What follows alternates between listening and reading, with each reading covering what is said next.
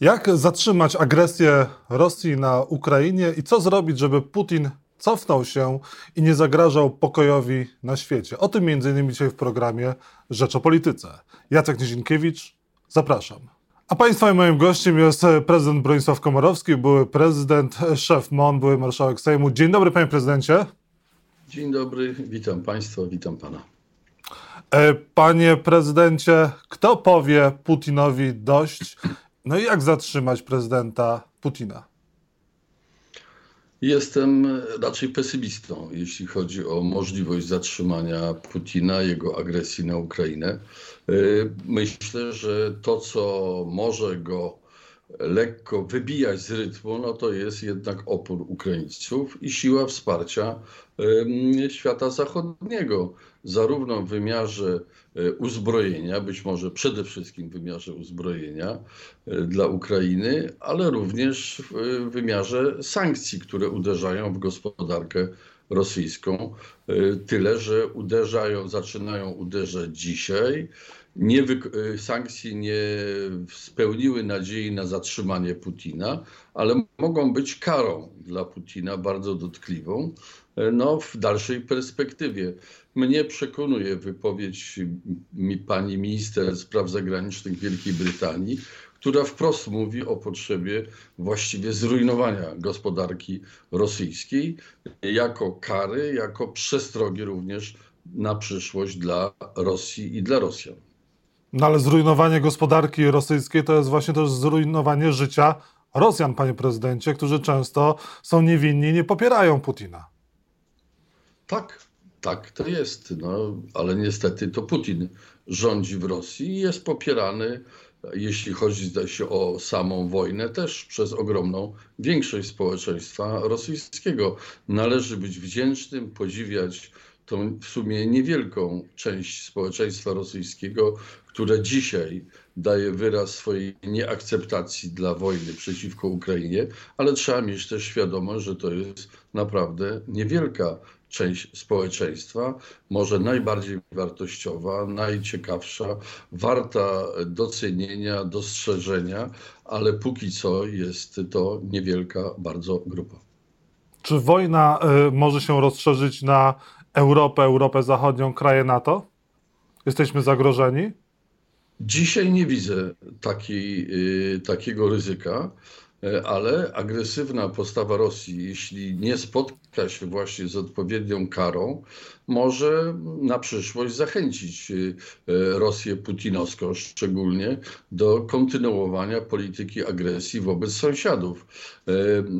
To jest takie stare francuskie przysłowie, że apetyt rośnie w miarę jedzenia jeśli Putinowi uda się, tak powiem, pożreć Ukrainę, no to na pewno zagrożona powinna czuć i Gruzja, Mołdawia, e, w dalszej perspektywie pewnie kraje nadbałtyckie, ale i Polska czy Rumunia. No bo taka jest istota e, imperium, że zawsze dąży do poszerzenia strefy swojej wpływów. No właśnie, panie prezydencie, czy w takim razie grozi nam trzecia wojna światowa? ona w jakiejś mierze już się zaczęła. To znaczy, jest to jakiś wymiar. Gorąca wojna jest na Ukrainie, a cały świat zachodni znalazł się w konfrontacji z Rosją, e, na razie polityczno-ekonomiczną. E, e, czy będzie trzecia wojna światowa gorąca, tak dramatyczna jak druga? Mam nadzieję, że nie, ale trzeba się z tym po prostu liczyć, że agresja rosyjska może nie znać miary, nie znać granic. O.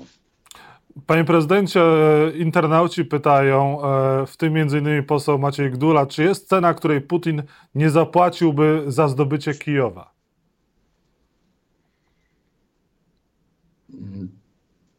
Myślę, że to właśnie będzie taki moment, w którym on będzie się zastanawiał, co mu się bardziej opłaca, czy e, zniszczyć Kijów, zdobyć Kijów, czy też poczekać i tak powiem załatwić resztę terytorium Ukrainy, przechwycić, a Kijów zostawić, aby sobie e, w oporze, ale bez takiego generalnego szturmu trwał.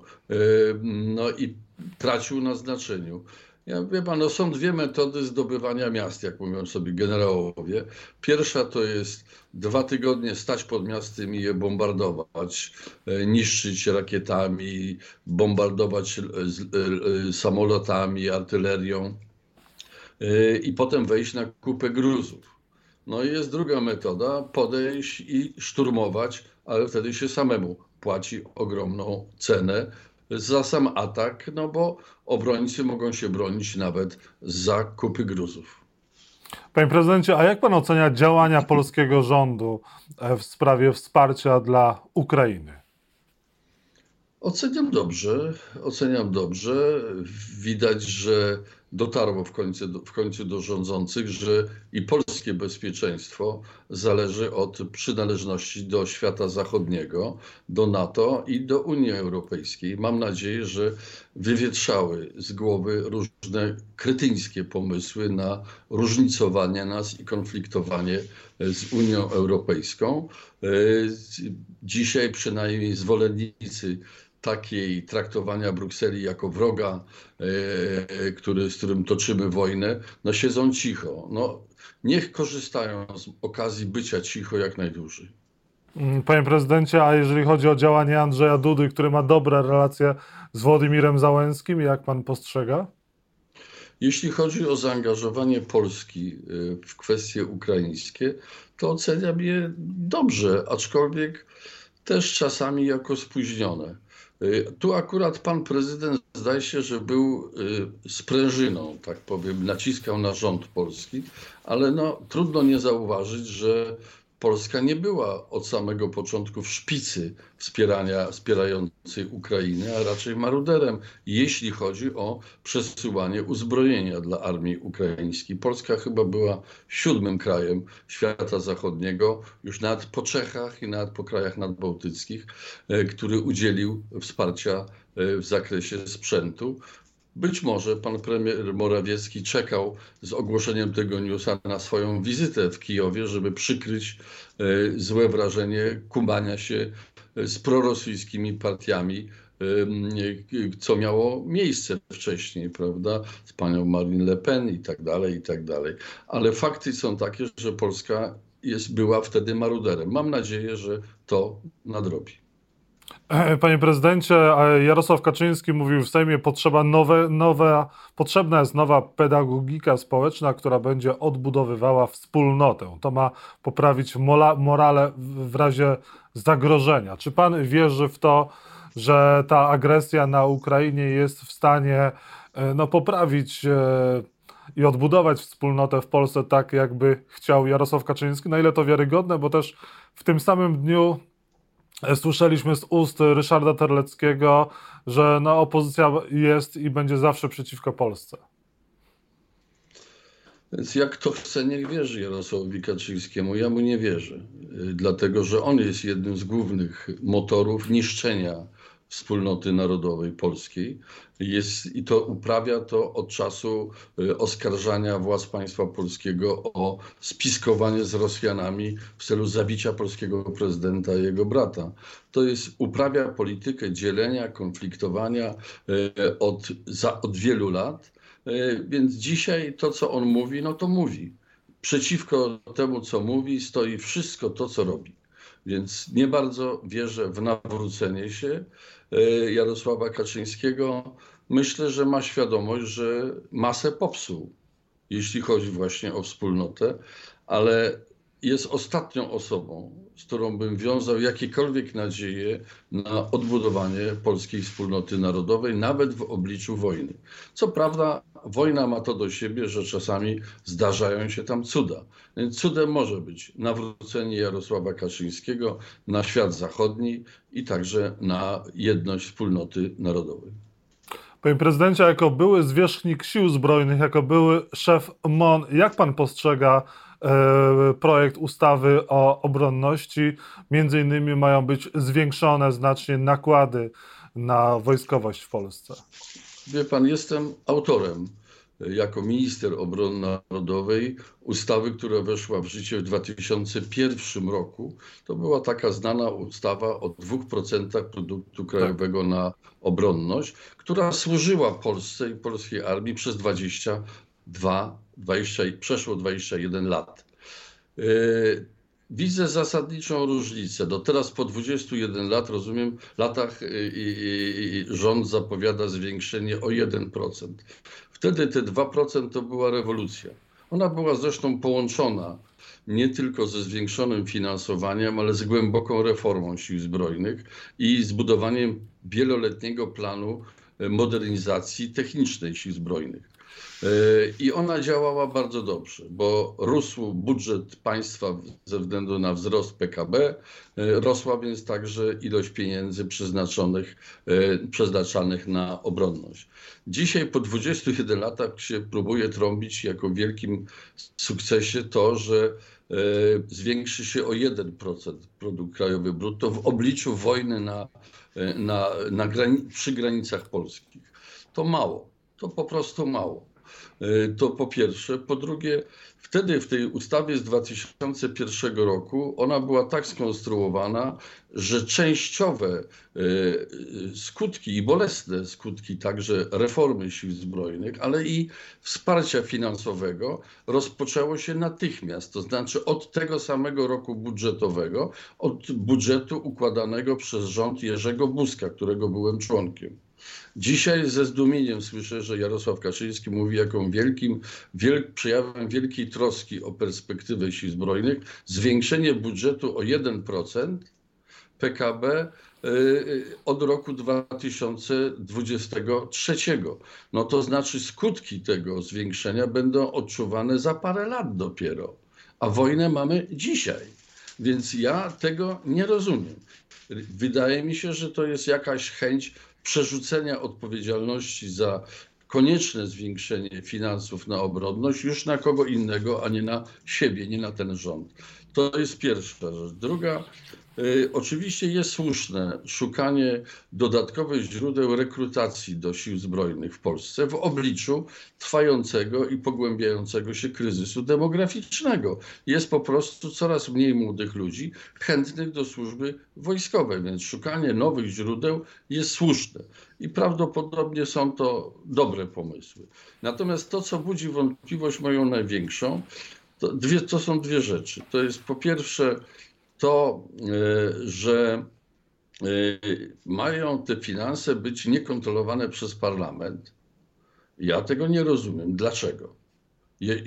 Myślę, że nikt nie zrozumie, bo zasadą demokracji jest to, że to parlament kontroluje i decyduje o ostatecznym kształcie o wydaniu pieniędzy publicznych na cokolwiek. E, a tutaj coś ta władza będzie chciała ukryć. Nie wiem. Co? Fa sam fakt zam zamówień wojskowych? Nie, bo tego się i będą się tym chwalili na wszystkich dachach Warszawy, Krakowa i Gdańska, że coś kupują. Więc coś innego jest przyczyną tego, że chcą ukryć przed opinią publiczną, nie dać Sejmowi zajrzeć za kulisy y, zamówień wojskowych. Na ogół się za tym kryją różne brudne sprawy i wątpliwe. I druga kwestia, czego mi zabrakło, no to powiedziałbym, słuszne działania, że za, za, za dwa lata będą może pierwsze skutki tej ustawy, no, y, nie odpowiadają na parę bardzo ważnych pytań y, y, dnia dzisiejszego Sił Zbrojnych Polskich. No, gdzie jest jakieś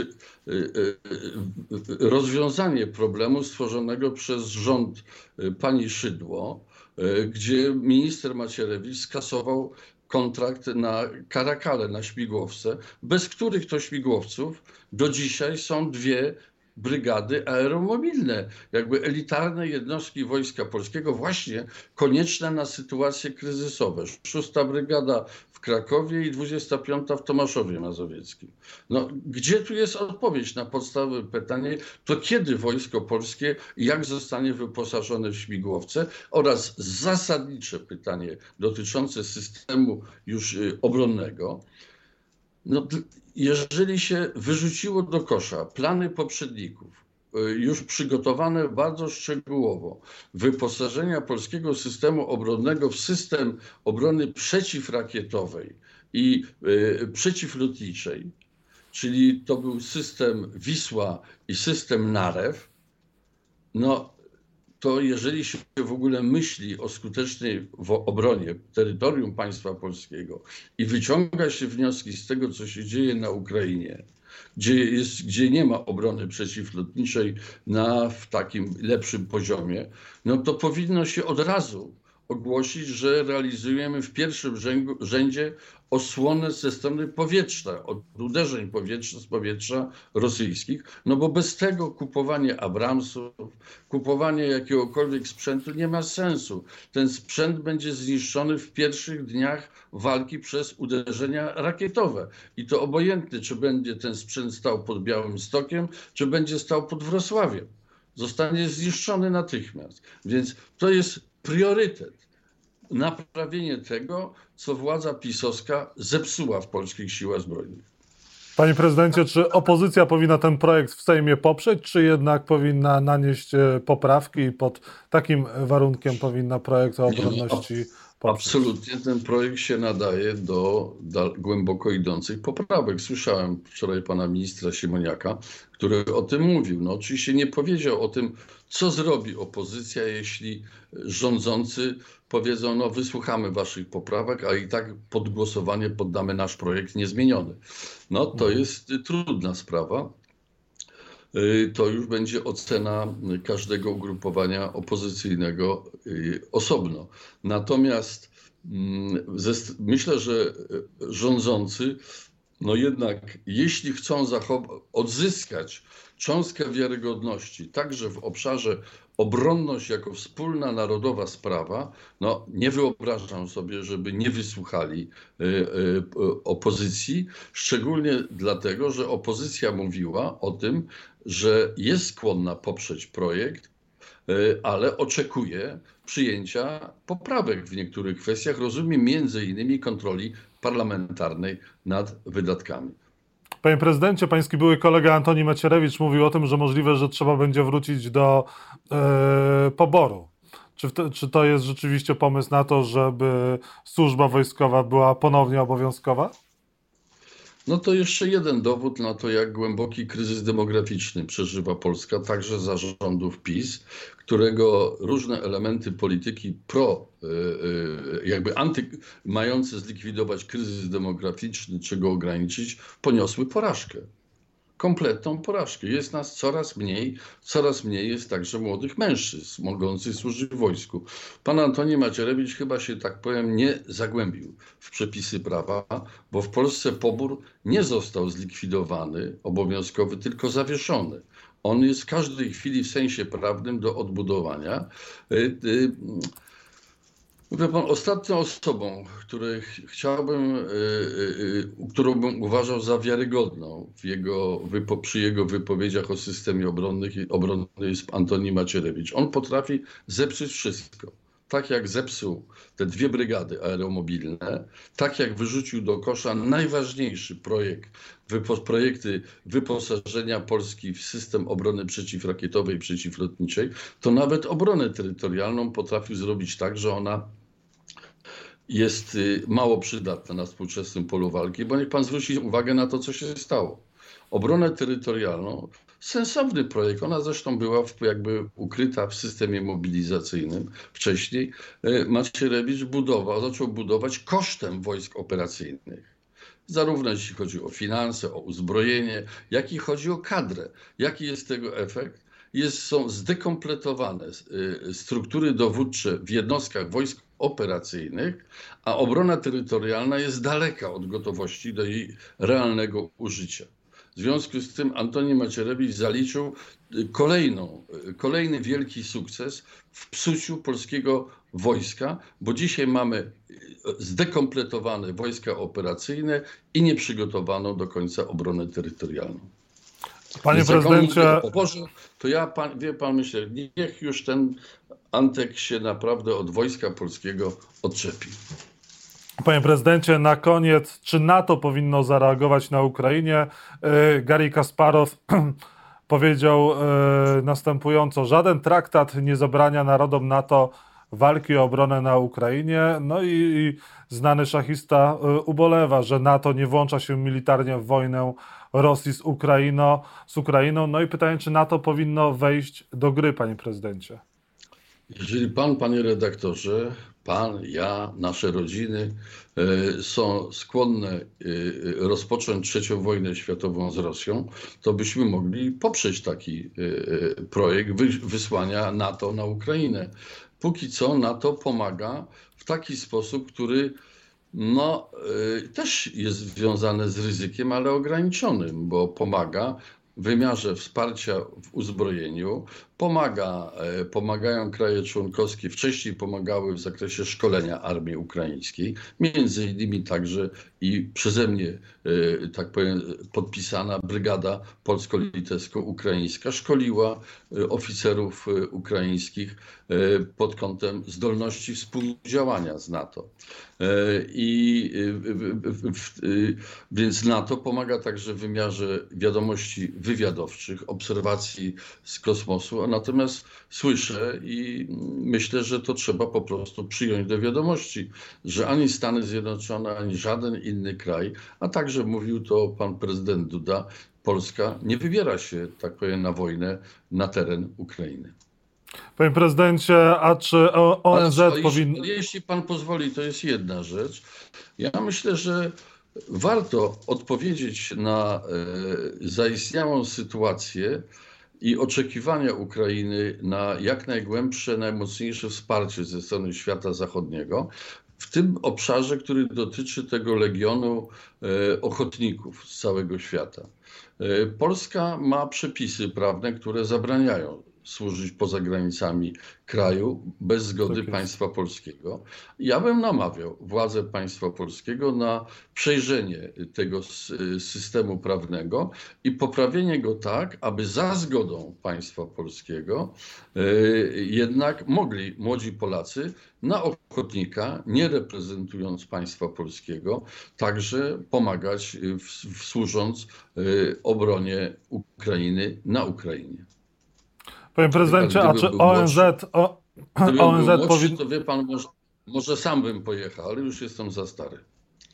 Czy gdyby pan był młodszy, to sam by pan pojechał walczyć na Ukrainę? Myślę, że pewnie bym nie wytrzymał, tak. Mhm. Panie prezydencie, a czy ONZ powinno wkroczyć do Rosji, powinny być e, korytarze humanitarne, e, czy powinno wkroczyć na Ukrainę po, po to chociażby, żeby e, ofiary stamtąd wywozić i rannych?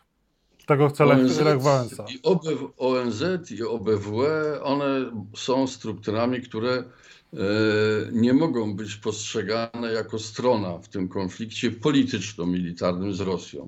Więc Dlatego jest mowa o korytarzach humanitarnych. Powinny z całą mocą domagać się także korytarzy humanitarnych, ale też trzeba pamiętać o jednym, że samą ideę korytarzy y, humanitarnych i ich e, istnienie Rosjanie potrafią wykorzystywać. Nie tylko dla zaskakujących ataków, co miało miejsce w, parę, w paru przypadkach, ale również dlatego, żeby na przykład proponować mieszkańcom miast ukraińskich ewakuowanie się do Rosji to ma swój wymiar także, oni to propagandowy bardzo to potrafią, ale tu życie ludzkie jest najważniejsze, więc absolutnie powiedziałbym, nie powiem, że obojętnie w którą stronę, ale nawet w stronę Rosji skierowane mogą być ratunkiem dla wielu, wielu Ukraińców. Dwa pytania na koniec, panie prezydencie. Broń nuklearna może zostać użyta przez Władimira Putina. Na ile to jest straszak, a na ile to jest realna groźba? Myślę, że to jest straszak w tej chwili. E, I samo, samo zagrożenie wybuchu wojny jądrowej nie jest wielkie. E, tym bardziej, że to nie jest tak, że to sam prezydent e, w Rosji podejmuje decyzję, naciska guzik, prawda? I lecą atomówki w stronę Stanów Zjednoczonych, Warszawy, Berlina, Paryża i Londynu to jest jednak wymaga pewnej procedury, którą prezydent uruchamia. No ale warto pamiętać, jeżeli nawet on się schowa e, gdzieś tam w schronie na Uralu, no to będzie też pewnie myślał o tym, że córkę ma na przykład na Lazurowym Wybrzeżu, prawda? A, a jego generałowie już będą myśleli o swoich rodzinach, które mieszkają a to w Moskwie, a to, a to w Tobolsku, a to w Petersburgu. Więc każdy się 10 razy zastanowi, czy to naprawdę jest y, y, y, jakby wystarczające uzasadnione wywołanie wojny jądrowej przez Putina. Panie prezydencie, i czy Putin skończy jak Slobodan Miloszewicz albo Saddam Hussein? Jeśli pyta mnie pan o to, czy bym chciał, żeby tak skończyć, to odpowiadam twierdząco.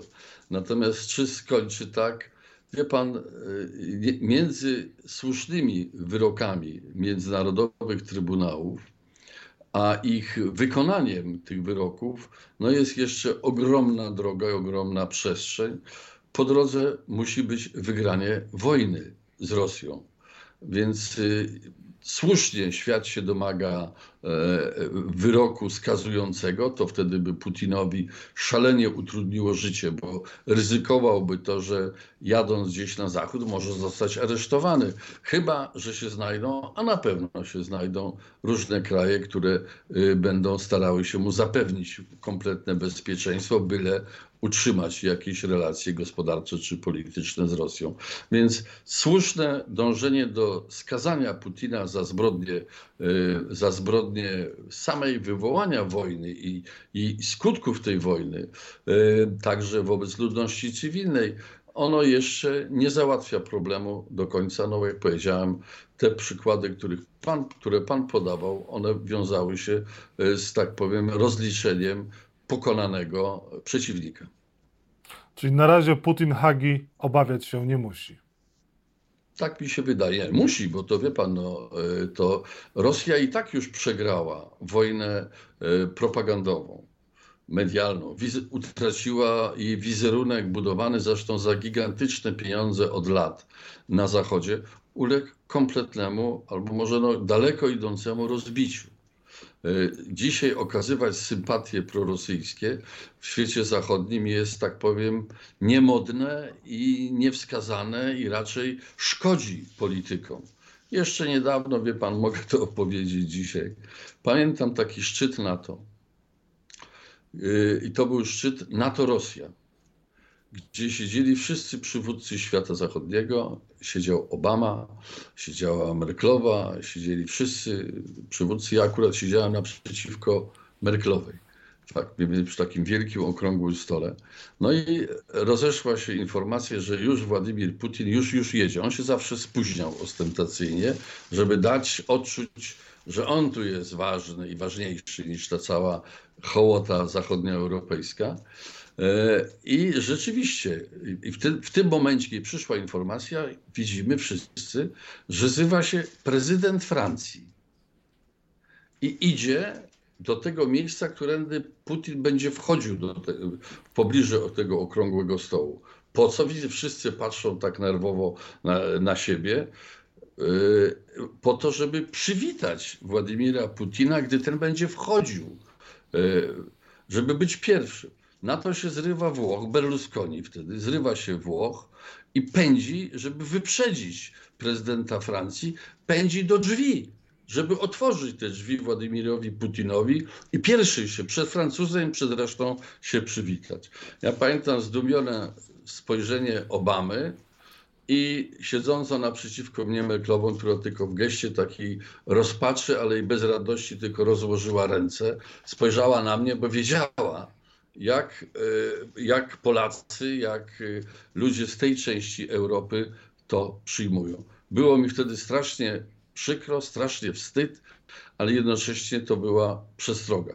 Więc dzisiaj coś takiego się nie może powtórzyć. Europa się zmieniła, świat zachodni się zmienił, jest o wiele twardszy i pozbył się złudzeń, które miał na demokratyzację Rosji, na jej obłaskawienie, na wymianę gospodarczą itd. Tak itd. Tak Pamiętam roku 2014, kiedy przyjechał na obchody 25-lecia wolności Polski y, prezydent Stanów Obama i na Zamku Królewskim było spotkanie z wszystkimi prezydentami i premierami świata e, natowskiego, kiedy on miał odwagę powiedzieć, że Myśmy się mylili. To Polska miała rację, jeśli chodzi o ocenę Putina i Rosji. Miał na myśli i swój, swoją, swoją ideę resetu w stosunkach z Rosją i nasze polskie domagania się stałego, mocniejszego angażowania się w NATO w bezpieczeństwo Europy Wschodniej. Prezydent Bronisław Komorowski był Państwa i moim gościem. Bardzo dziękuję Panie Prezydencie za rozmowę. Dziękuję bardzo, wszystkiego dobrego.